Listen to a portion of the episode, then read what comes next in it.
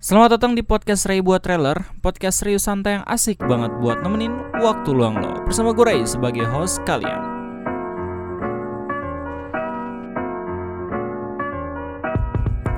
Halo. Jadi baru-baru ini gue dapet saran dari salah satu temen gue yang gue kenal lewat Discord dan dari uh, YouTube. Namanya Mas Rosalia atau di YouTube lo bisa mengenal dia sebagai ngepet sup. Dia ngasih saran ke gue kalau misalkan podcast gue harus kocak dan semakin lucu lagi dong karena gue dengernya ngantuk gitu. gue pertama-tama pengen ngucapin uh, permohonan maaf dulu karena gue masih belum bisa membawa suasana agar semakin enak didengar dan semakin penasaran buat kalian semua. Tapi yang jelas uh, podcast ini gak didesain untuk ngelawak atau untuk ngebuat orang tertawa gitu. Tapi emang cuman men-sharing berbagai macam pengalaman, pemikiran ataupun hal-hal yang lagi gue obrolin uh, yang pengen gue obrolin ke kalian semua gitu. Jadi gue nggak bisa memaksakan kehendak Rozal kalau misalkan gue harus buat ter uh, terlalu kocak lagi. Podcast gue ini jadi kocak kayak terlalu kocak. Jadi ya mohon maaf Rozal.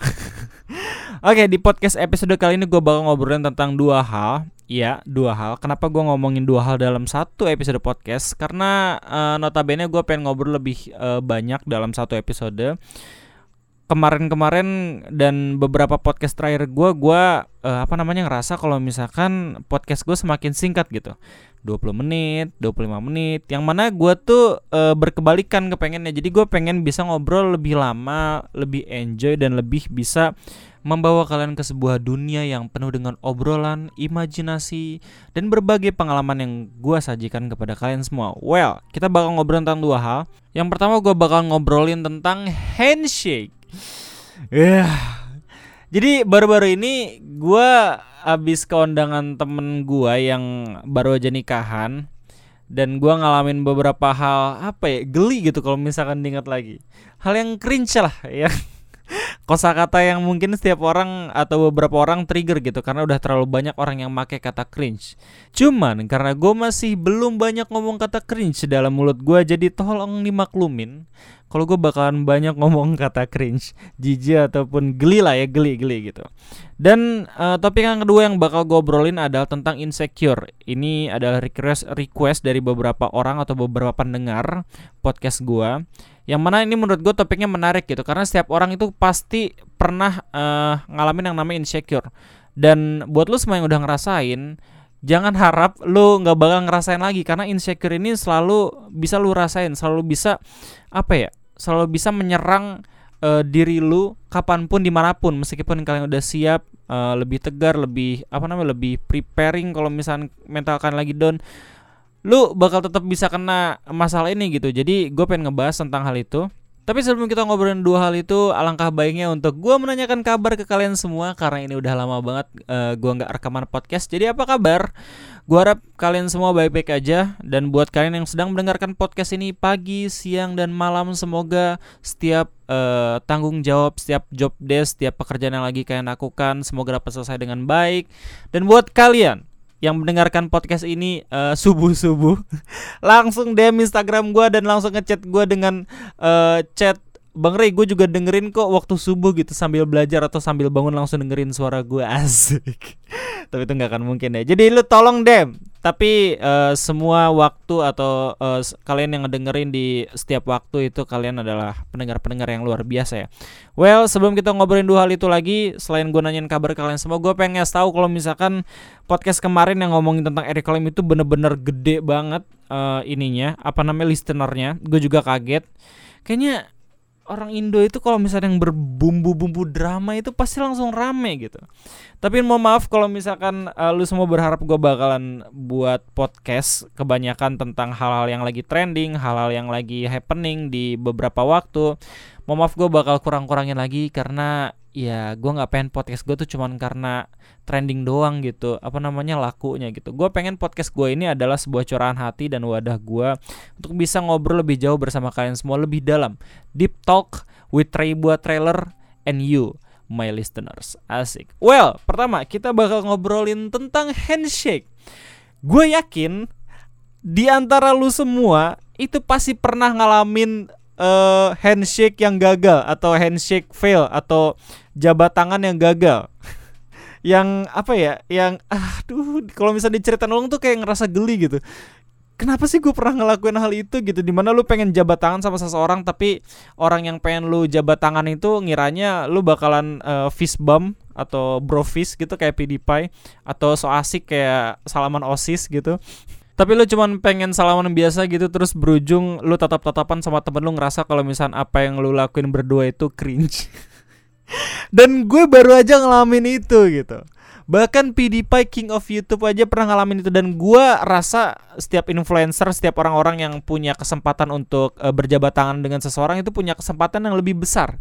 Untuk merasakan bagaimana gelinya, bagaimana jijik cringe-nya ketika lu uh, gagal berjabat tangan dengan seseorang dengan baik dan benar gitu. Kemarin tuh gue jadi diundang ke salah satu pernikahan teman SD gue yang mana dia nikah sama teman SMP-nya gila lu bayangin aja gue sama dia itu temenan dari SD SMP SMA kuliah enggak sih? Tapi sampai SMA itu udah cukup lama ya. Dan dia nikahnya itu oh teman gue cewek by the way. Dia itu nikahnya sama pacarnya yang waktu SMP jadi lu bayangin SMP dari SMP itu tiga tahun SMA itu enam tahun kuliah itu empat tahun jadi 10 dan sekarang habis lulus kayaknya ditambah dua tahun jadi 12 tahun.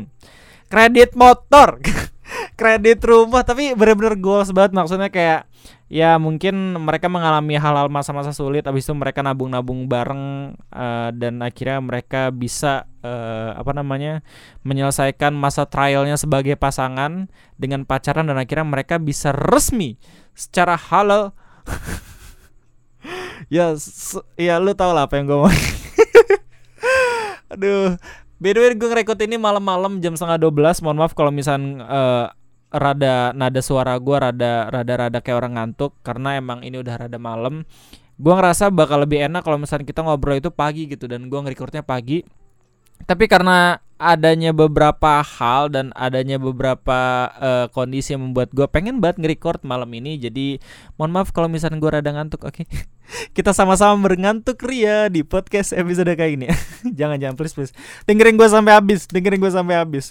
Well uh, gue juga ngeliat gue semakin ngelantur kalau misalnya ngomong ya. Gue kemarin tuh gue nggak nyangka kalau misalkan gara-gara podcast Eric Kolim tuh gue bisa nyampe top 25 besar podcast di Indonesia. Gila tepuk tangan dulu buat kalian semua anjir. Lu semua luar biasa mengalahkan Retropus. Uh, podcast Retropus gitu tapi akhirnya turun lagi baru sehari. Karena kayaknya nggak gimana ya? Aduh naik cuma gara-gara drama itu nggak seru bro. Jadi buat lo semua yang emang uh, punya saran punya masukan buat gua buat podcast gua silakan langsung aja kritik dan sarannya gua apa namanya gua terima dengan baik lewat DM gua di uh, Instagram gua di @rairestofozi oke? Jadi jangan sungkan kalau misalkan pengen bercerita kalau misalkan kalian pengen curhat dan kalau misalkan kalian ingin ngasih saran seputar podcast ini gua dengan suka hati bakalan uh, menerima kalian. Oke. okay. Jadi uh, begitulah inti cerita dari gua dan temen gua, flashbacknya.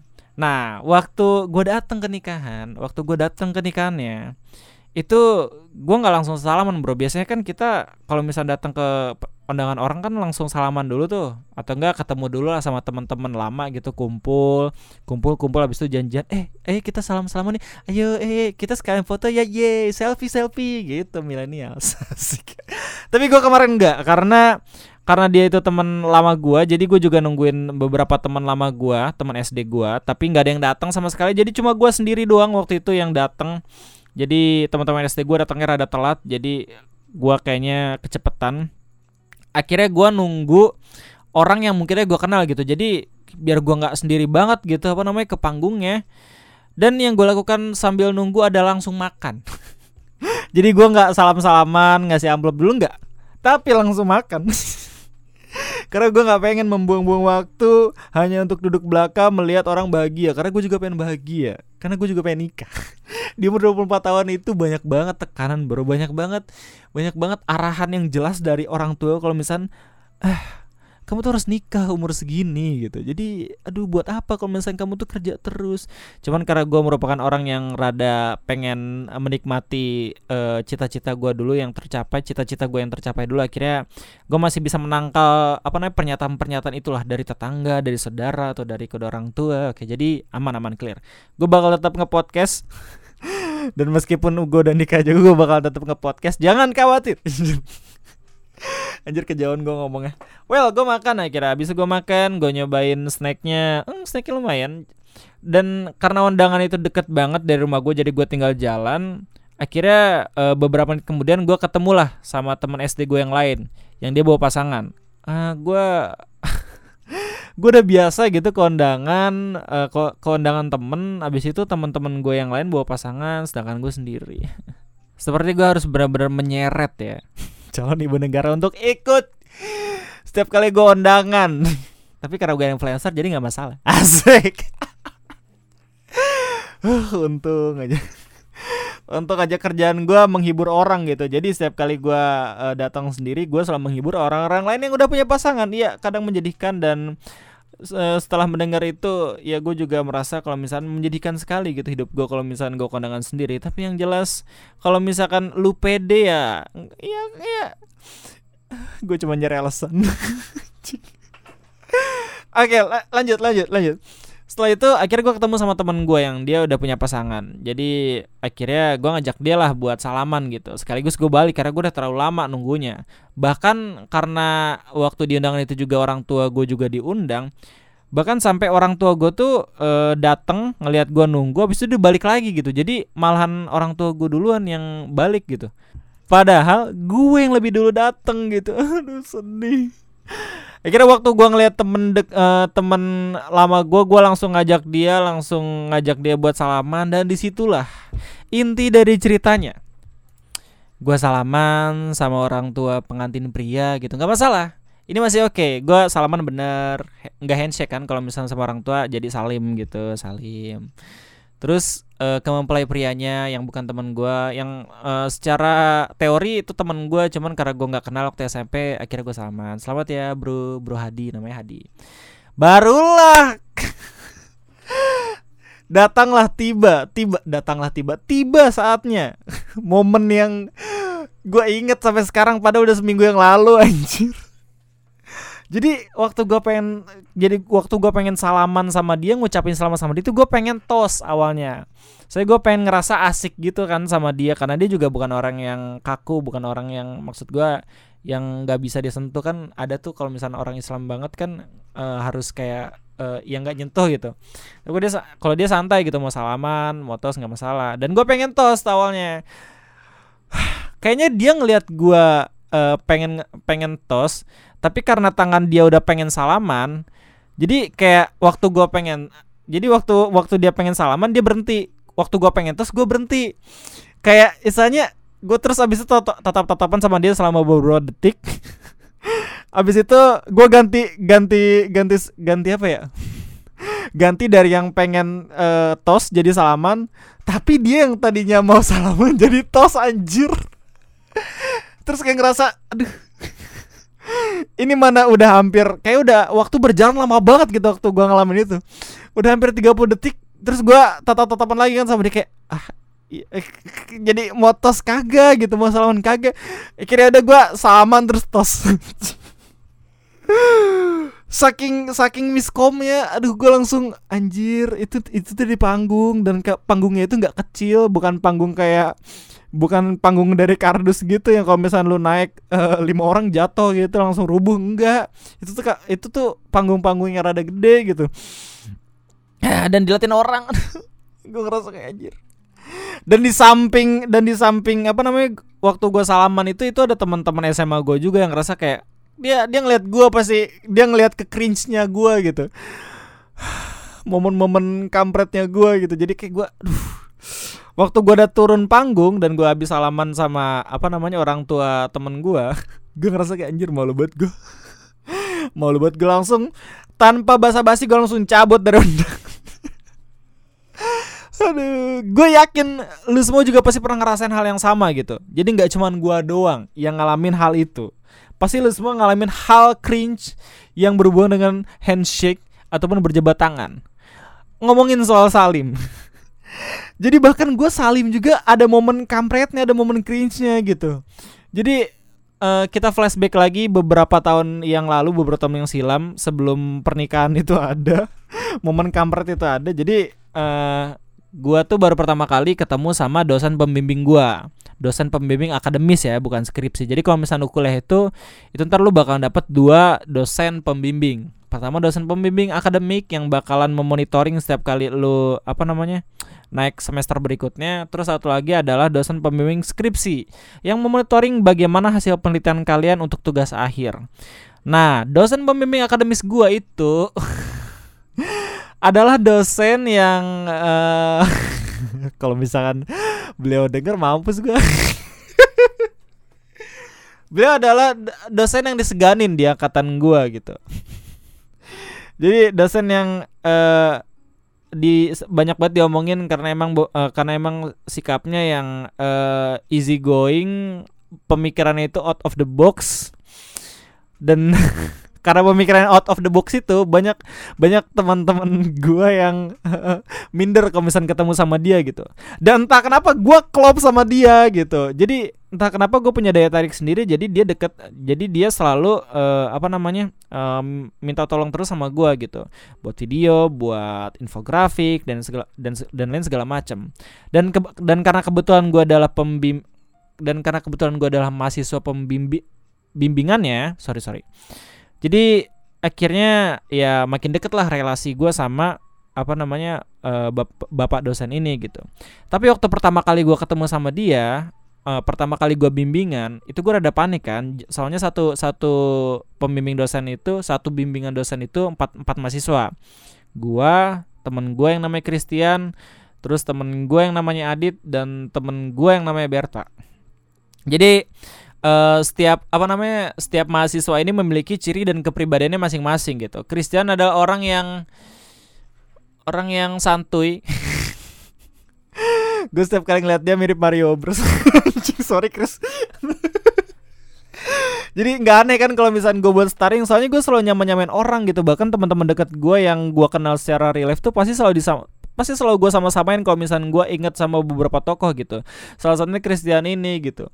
Dan Christian ini adalah uh, mahasiswa uh, ya satu jurusan sama gue tapi beda minor gitu. Dia dari minor agronomi dan hortikultura dia basically adalah uh, mahasiswa yang suka dengan perkebunan. Jadi setiap kali gue ketemu sama dia dia selalu ceria dia selalu easy going dan enak lah enak lah orangnya gimana. Terus Adit nah Adit ini uh, satu frekuensi sama gue dia tuh orangnya introvert sepertinya. Adit ini kalau diomongin dia tuh kayak Sasuke diem diem tiba-tiba ada. Diem diem tiba-tiba ikut acara. Diem diem tiba-tiba motret. Ya gitulah Adit gitu. Dia waktu waktu mahasiswa tuh sama bocahnya lah sama gue gitu. Jadi gue sama dia tuh ketika ngobrol ketika kumpul berdua tuh kayak ngeklop aja kayak waktu gue touring sama beberapa teman gue yang satu jurusan gue selalu sama dia kalau misalkan buat dokumentasi jadi ajib lah. Terus satu lagi Berta. Nah Berta ini adalah satu-satunya mahasiswi perempuan mahasiswi perempuan ya? Masih udah sih perempuan oke. Okay. satu-satunya mahasiswi di bimbingannya uh, dosen pembimbing gue nah Berta ini orangnya asik. Maksud gue kayak dia tuh anak-anak kafe anak-anak acara pokoknya ya anak-anak acara lah anak-anak yang selalu sibuk uh, nge-create acara easy going orangnya fleksibel dan segala macam dan gue seneng banget ngobrol sama dia karena uh, eh, open minded dia orangnya Anjay, gue berasa menjilat banget. Tapi yang jelas gue bersyukur banget bisa kenal sama tiga orang ini. Dan setiap kali gue bimbingan sama dosen ini, paper, gue selalu dijadikan bahan tumbal. karena mereka bertiga merasa gue yang paling deket akhirnya sekali uh, bimbingan tuh gue yang selalu dijadikan bahan untuk masuk ke dalam ruang dosen dan mengecek apakah beliau ada atau tidak dalam mejanya gitu karena kalau misalnya mereka yang uh, masuk dan ngecek dosen dosen dosen dosen pembimbing itu kayak ah iya, iya, iya.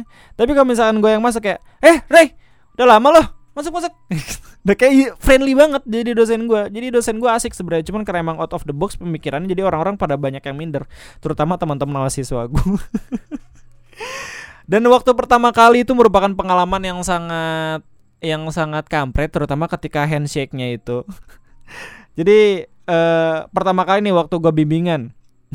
Duduk duduk duduk kan waktu bimbingan tuh pasti waktu penyerahan eh, apa namanya transkrip nilai setiap semester.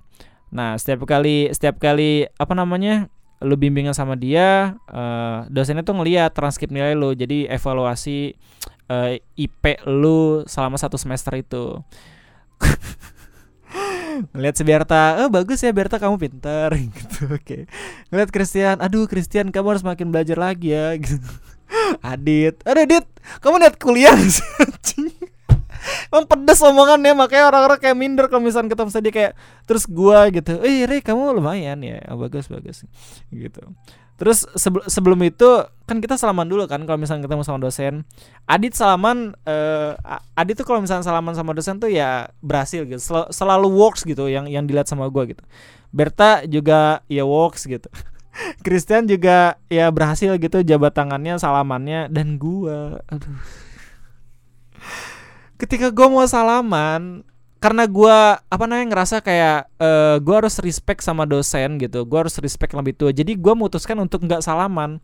Gue emang ngide sih orangnya gitu jadi waktu sama teman gue padahal kalau misalnya kita salaman tuh berhasil tapi gue ngide pengen tos akhirnya kita gagal gitu dan waktu sama dosen ini juga gue ngide gue nggak mau uh, jabat tangan gitu gue mau kayak salim gitu karena gue pengen menghormati menghormati dia gitu Nah, waktu bagian gue salaman itu waktu kan kita salaman dulu kayak biasa tuh. Gue ngejulurin tangan, abis itu dia nerima tangan gue, kita langsung salaman, set. Terus gue genggam tuh tangannya. Maksudnya kayak ya langsung gue genggam kayak orang yang pengen salim. Waktu gue pengen naruh kepala gue ke tangan dosen gue, dia tiba-tiba langsung cepet gitu, gercep langsung narik tangannya zet gitu. Terus abis itu gue nunduk kan, gue nunduk, uh, eh, gue udah kepalang apa namanya, gue udah kepalang naro uh, kepala gue di tangan gue gitu.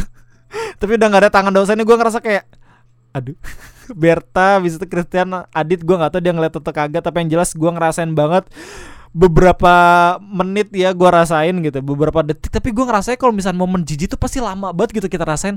Kenapa dah? Bisa kita langsung abis itu gue langsung diem diem sejenak kayak I'm gonna regret this.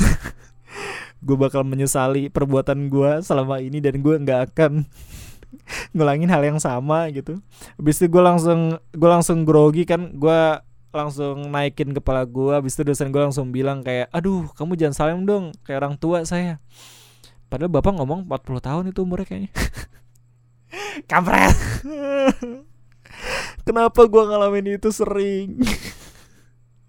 Dan gak cuma dan gak cuma dua kali kalau misalnya gue cerita tuh udah banyak. Cuman gue karena mager inget-inget lagi dan gue ngerasa kayak bagus kalau misalnya gue nggak inget lagi. Jadi gue ngerasa kayak kayaknya dua cerita itu deh yang worth it untuk diceritakan untuk ke kalian semua gitu. Ya mungkin gak selucu dan gak senendang kayak waktu gue nyeritain tentang rumah sakit jiwa tapi still tapi tetap. Anjir gue kayak youtubers di mana kalau misalnya lo ngomong pakai bahasa Inggris langsung ada translate-nya gitu. Tapi still gue nggak pengen lo merasain hal ini gue nggak pengen lo merasakan hal cringe yang pernah gue rasakan sebelumnya. Jadi kalau misalnya kalian uh, ada teman kalian yang pengen berjabat tangan handshake tolong kalian perhatikan secara secara detail gitu. Apakah dia benar pengen handshake pengen fist bump pengen tos atau pengen apa namanya pengen berdansa gitu. Saking akrabnya gitu ya gue nggak tahu. Pokoknya harap harap perhatikan dengan jelas gitu. Biar kalian nggak merasakan uh, kegelian ketika kalian fail atau ketika kalian gagal berjabat tangan dengan seseorang gitu. Tapi karena itu momen lucu jadi ya nggak apa-apa sekali sekali dua kali kalian rasain lah. Ini bukan momen gagal kok kayak lu abis handshake gitu langsung gagal hidup lu depresi gitu abis itu lu ngerasa kayak hidup lu nggak berguna nggak kok.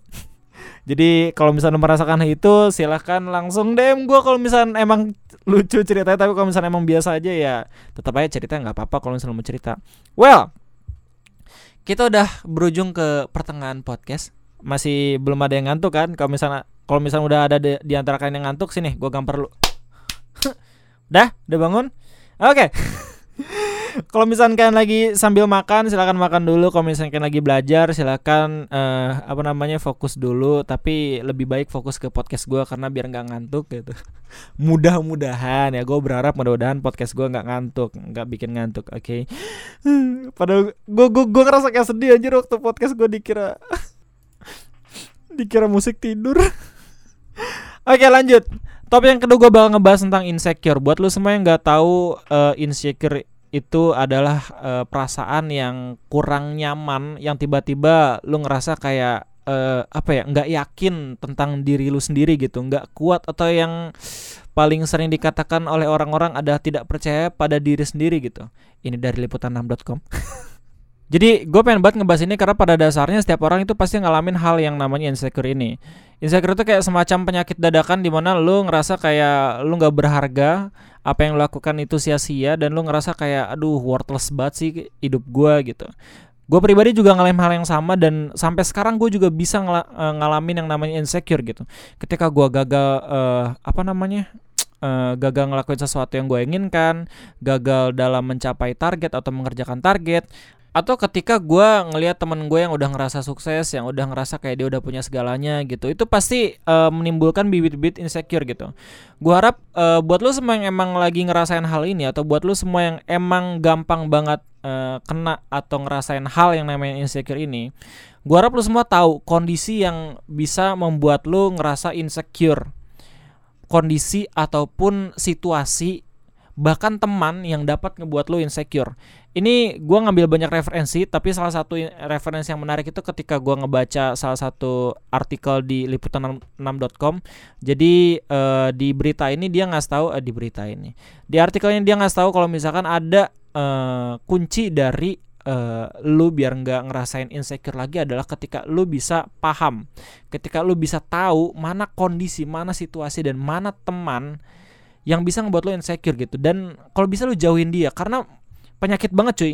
Insecure penyakit banget. Di mana kalau misalnya lu ngerasain hal ini secara terus menerus secara kelamaan itu bakal langsung uh, terintegrasi gitu ke penyakit mental baru gitu. Makanya istilahnya kayak insecure ini uh, gejala-gejala gejala-gejala kayak penyakit flu pada biasanya kalau misalnya lu flu kan biasanya pasti pusing dulu demam dulu. Nah insecure tuh kayak gitu. Jadi sebelum lu ngerasa depresi lu ngerasa uh, apa namanya worthless dulu. Abis lu ngerasa kayak aduh hidup gua nggak berat banget. Aduh gua nggak pede nih sama diri gua sendiri gitu. Jangan cuy.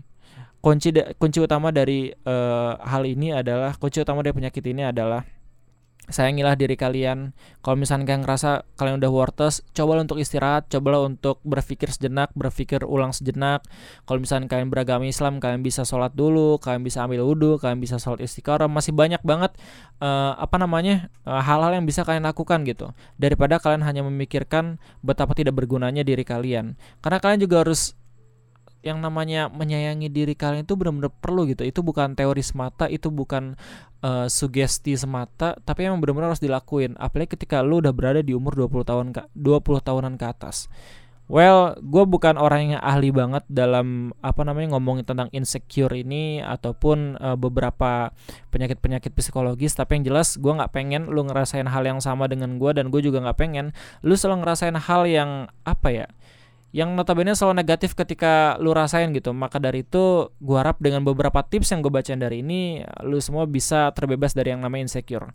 Jujur gue nggak ngambil tips ini dan gue nggak buat tips ini secara original tapi gue benar-benar ngambil dari uh, apa namanya website liputan6.com lu bisa langsung apa namanya googling di apa namanya di Google dengan keyword insecure liputan6.com ntar lu bakal tahu artikelnya gitu.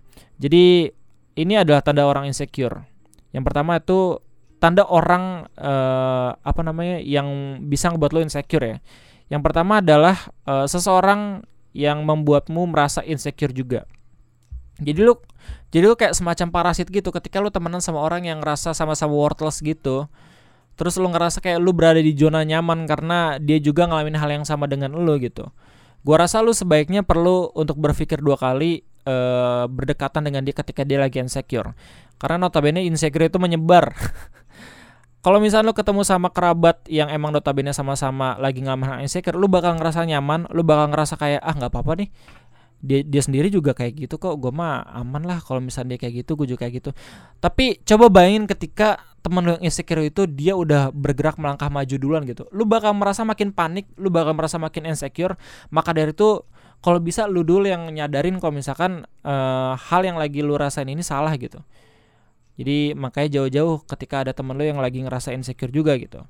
Terus yang kedua adalah merendahkan orang lain. Jadi ada beberapa teman lu yang merendahkan orang lain yang notabene itu juga salah satu ciri di mana ketika lu direndahkan sama temen lu juga pasti ngerasa worthless kan? Kayak kalau misalnya di One Piece itu ketika uh, ketika di episode trailer bug thriller bug di mana si uh, Luffy CS itu ketemu sama orang yang namanya Perona dia memiliki ilmu yang bisa ngebuat orang ngerasa lemah batinnya. Jadi ya orang tuh kalau misalkan gampang merendahkan orang lain tuh penyakit cuy di dalam kelompok gitu. Makanya sebisa mungkin jangan sampai lah lu teman sama orang-orang kayak gitu gitu. Kalau misalnya gue ketemu sama orang yang gampang merendahkan orang yang sebisa mungkin gue bakal ngejauh. Mungkin kalau misalnya dalam society uh, susah gitu nemuin orang yang kayak gini. Susah gitu kalau misalnya coba ngeliat dari satu ciri khas doang gitu. Biasanya tuh kalau misalnya orang yang gampang merendahkan orang itu biasanya di apa namanya dilengkapi juga dengan beberapa sifat. Kayak misalkan dia itu orangnya baik tapi dalam hatinya kayak gimana gitu. Terus uh, orang yang friendly tapi waktu lu kenal deket tiba-tiba uh, lu tahu kalau sikapnya itu kayak gini gitu merendahkan orang lain. Jadi ya kadang abu-abu gitu. Ketika lu mencoba untuk mencari tahu apakah teman lo itu gampang merendahkan orang lain atau enggak. Jadi tolong dijauhkan tapi jangan sampai lu bener-bener ngejarin banget cuma karena satu ciri khas ini gitu. Lu juga bisa uh, ngajarin dia ngasih dia kalau misalnya apa yang dia lakuin itu adalah hal yang buruk gitu. Terus yang ketiga adalah uh, jangan mudah tersinggung. Jangan mudah ketika ada beberapa teman lo yang uh, apa namanya ngebuat sebuah pernyataan kalau menyimpulkan sendiri. Jangan sampai lu mudah tersinggung dengan apa yang diomongin. Mungkin aja itu adalah sebuah kritikan di mana lu justru bisa membangun diri lu sendiri untuk bisa lebih tegar untuk bisa lebih kuat. Jangan sampai kan menjadi orang yang mudah banget uh, baper namanya. Kayak waktu di trailer trailernya apa namanya cinta berat dan timbangan uh, Ernest. Itu itu filmnya yang kalau misalkan uh, kan ada tuh di trailernya itu si Jessica Mila kayak diajakin habis itu ditanyakan sama temennya lu nggak ngebales? Kalau misalnya gua ngebales gua baper. Itulah buruknya society. Jadi itu beberapa poin yang udah gue bacain berdasarkan uh, hasil kesimpulan dari artikel yang udah gue baca. Nggak semuanya gue sebutin karena notabene ada beberapa juga yang menurut gue nggak relate tentang bagaimana definisi insecure. Tapi ada satu hal yang pengen gue omongin di mana lu semua harus menghindari kondisi ini atau situasi atau suasana ini gitu. Itu ketika lu curhat. Ketika lu curhat sama orang, terus lu ngerasa kayak uh, eh, gue nyaman nih curhat sama dia gitu, terus lu curhat terus menerus gitu. Kalau misalnya curhatan lu itu nggak ngebuat lu menjadi lebih baik, gue saranin lu berhenti untuk curhat dan coba mikirin ke depan gitu. Karena kalau misalnya lu selalu curhat tapi lu nggak ngerasain perubahan apa-apa, itu kayak lu cuman berada uh, apa namanya? Cuman cuman berputar di zona nyaman lu ada aja gitu. Cuman berputar di zona masa lalu masa lalu aja gitu. Lu cuman nyari ketenangan tapi nggak mencari solusi. Makanya buat lu semua yang ngerasa kayak curhat itu adalah obat uh, untuk segala bangsa dalam masalah insecure ini, gua harus berpikir dua kali karena kunci dari insecure ini adalah ketika lu tahu atau ketika lu paham bagaimana suasana uh, pas lu pengen ngalamin hal yang namanya insecure ini. Jangan lupa untuk bahagia, jangan lupa untuk refreshing, jangan lupa untuk ngobrol bareng teman-teman yang lain. Toh meskipun ketika lu ngo banyak ngobrol lu ngerasa kayak makin minder, makin ngerasa insecure, makin ngerasa kayak worthless. Tapi banyak banget juga kok sisi positif ketika lu kumpul bareng teman-teman lu yang lain gitu. Gua harap uh, itulah beberapa saran dari gua, beberapa tips dari gua. Gua nggak banyak gua nggak banyak banget bisa ngobrol tentang insecure gini karena notabene ketika lu minta gua cerita ada nggak sih Ray pengalaman tentang insecure banyak cuy. Hampir hampir setiap minggu malan hampir saat sampai sekarang juga gue bisa ngalamin insecure ini. Ketika gue ngeliat rival gue itu rival di YouTube gue itu ngerasa lebih besar viewsnya ngerasa lebih sukses ngerasa pertemuan lebih besar. Terus ada beberapa temen gue yang uh, dia nge YouTube juga tapi channelnya udah jatuh channelnya juga udah nggak ada viewsnya terus dia curhat ke gue kalau misalkan gue itu kalau misalkan channel dia itu udah nggak punya adsense setiap bulannya gue ngerasa kayak lebih insecure gitu. Lebih ngerasa kayak anjay gue juga bakal ngalamin hal yang ini nih hal yang kayak gini nih aduh wah gue worthless uh, eh, gue ini banget kayaknya gagal uh, salah banget ketika gue apa namanya milih jadi konten kreator sebagai pekerjaan utama gue pasti ada aja hal di mana uh, bisa ngebuat lo menjadi insecure. Jadi gue harap lo semua bisa tahu situasi atau kondisi ketika lu pengen uh, insecure atau enggak gue udah ngomong banyak banget tentang insecure. Tapi yang jelas gue harap uh, lu semua bisa ngalamin uh, apa namanya nyelesain semua ini. Lu juga bisa uh, step step up. Lu juga bisa apa namanya menghancurkan rintangan ini lu juga bisa melangkah maju untuk bisa menyelesaikan masalah yang sepele ini. Gua harap uh, itu nggak memberhentikan langkah lu untuk terus melangkah maju dan untuk menggapai cita-cita. Well, mungkin buat lo semua yang mendengarkan podcast ini di umur 20, 25, 27 ngomongin soal cita-cita tuh udah ngerasa kayak ah ya udahlah realistis aja gitu. Gue mau kalau misalnya udah dapat pekerjaan ini juga udah seneng gitu. Tapi gue juga menghormati uh, pendengar-pendengar gue yang emang di bawah umur 20 tahun 25 tahun atau benar dia juga masih punya tujuan. Mungkin ada di antara kalian yang mendengarkan podcast ini pengen banget S2 pengen banget jadi dosen pengen banget jadi profesor pengen banget punya profesi atau cita-cita yang notabene susah banget buat lo dapetin gitu. Mungkin di umur 30 lo bakal dapet 35 tahun lo bakal dapet yang jelas jangan pant jangan uh, putus semangat oke. Okay? gue selalu mudahkan kalian semoga menjadi lebih baik. Dan buat kalian semua yang udah merasa cukup dengan uh, realita yang udah kalian rasakan ini gue harap kalian semakin ditambahkan rezekinya. Dan dengan mendengarkan podcast ini gue juga gue juga pengen lo bisa menemukan titik metam lo menjadi lebih enjoy lebih enak lebih nyaman. Dan gue harap podcast ini juga bisa uh, menjadi teman kalian dalam uh, beristirahat. Oke. Okay? Mungkin itu aja podcast episode kali ini. Terima kasih karena udah mendengarkan gua uh, dalam membahas handshake dan insecure.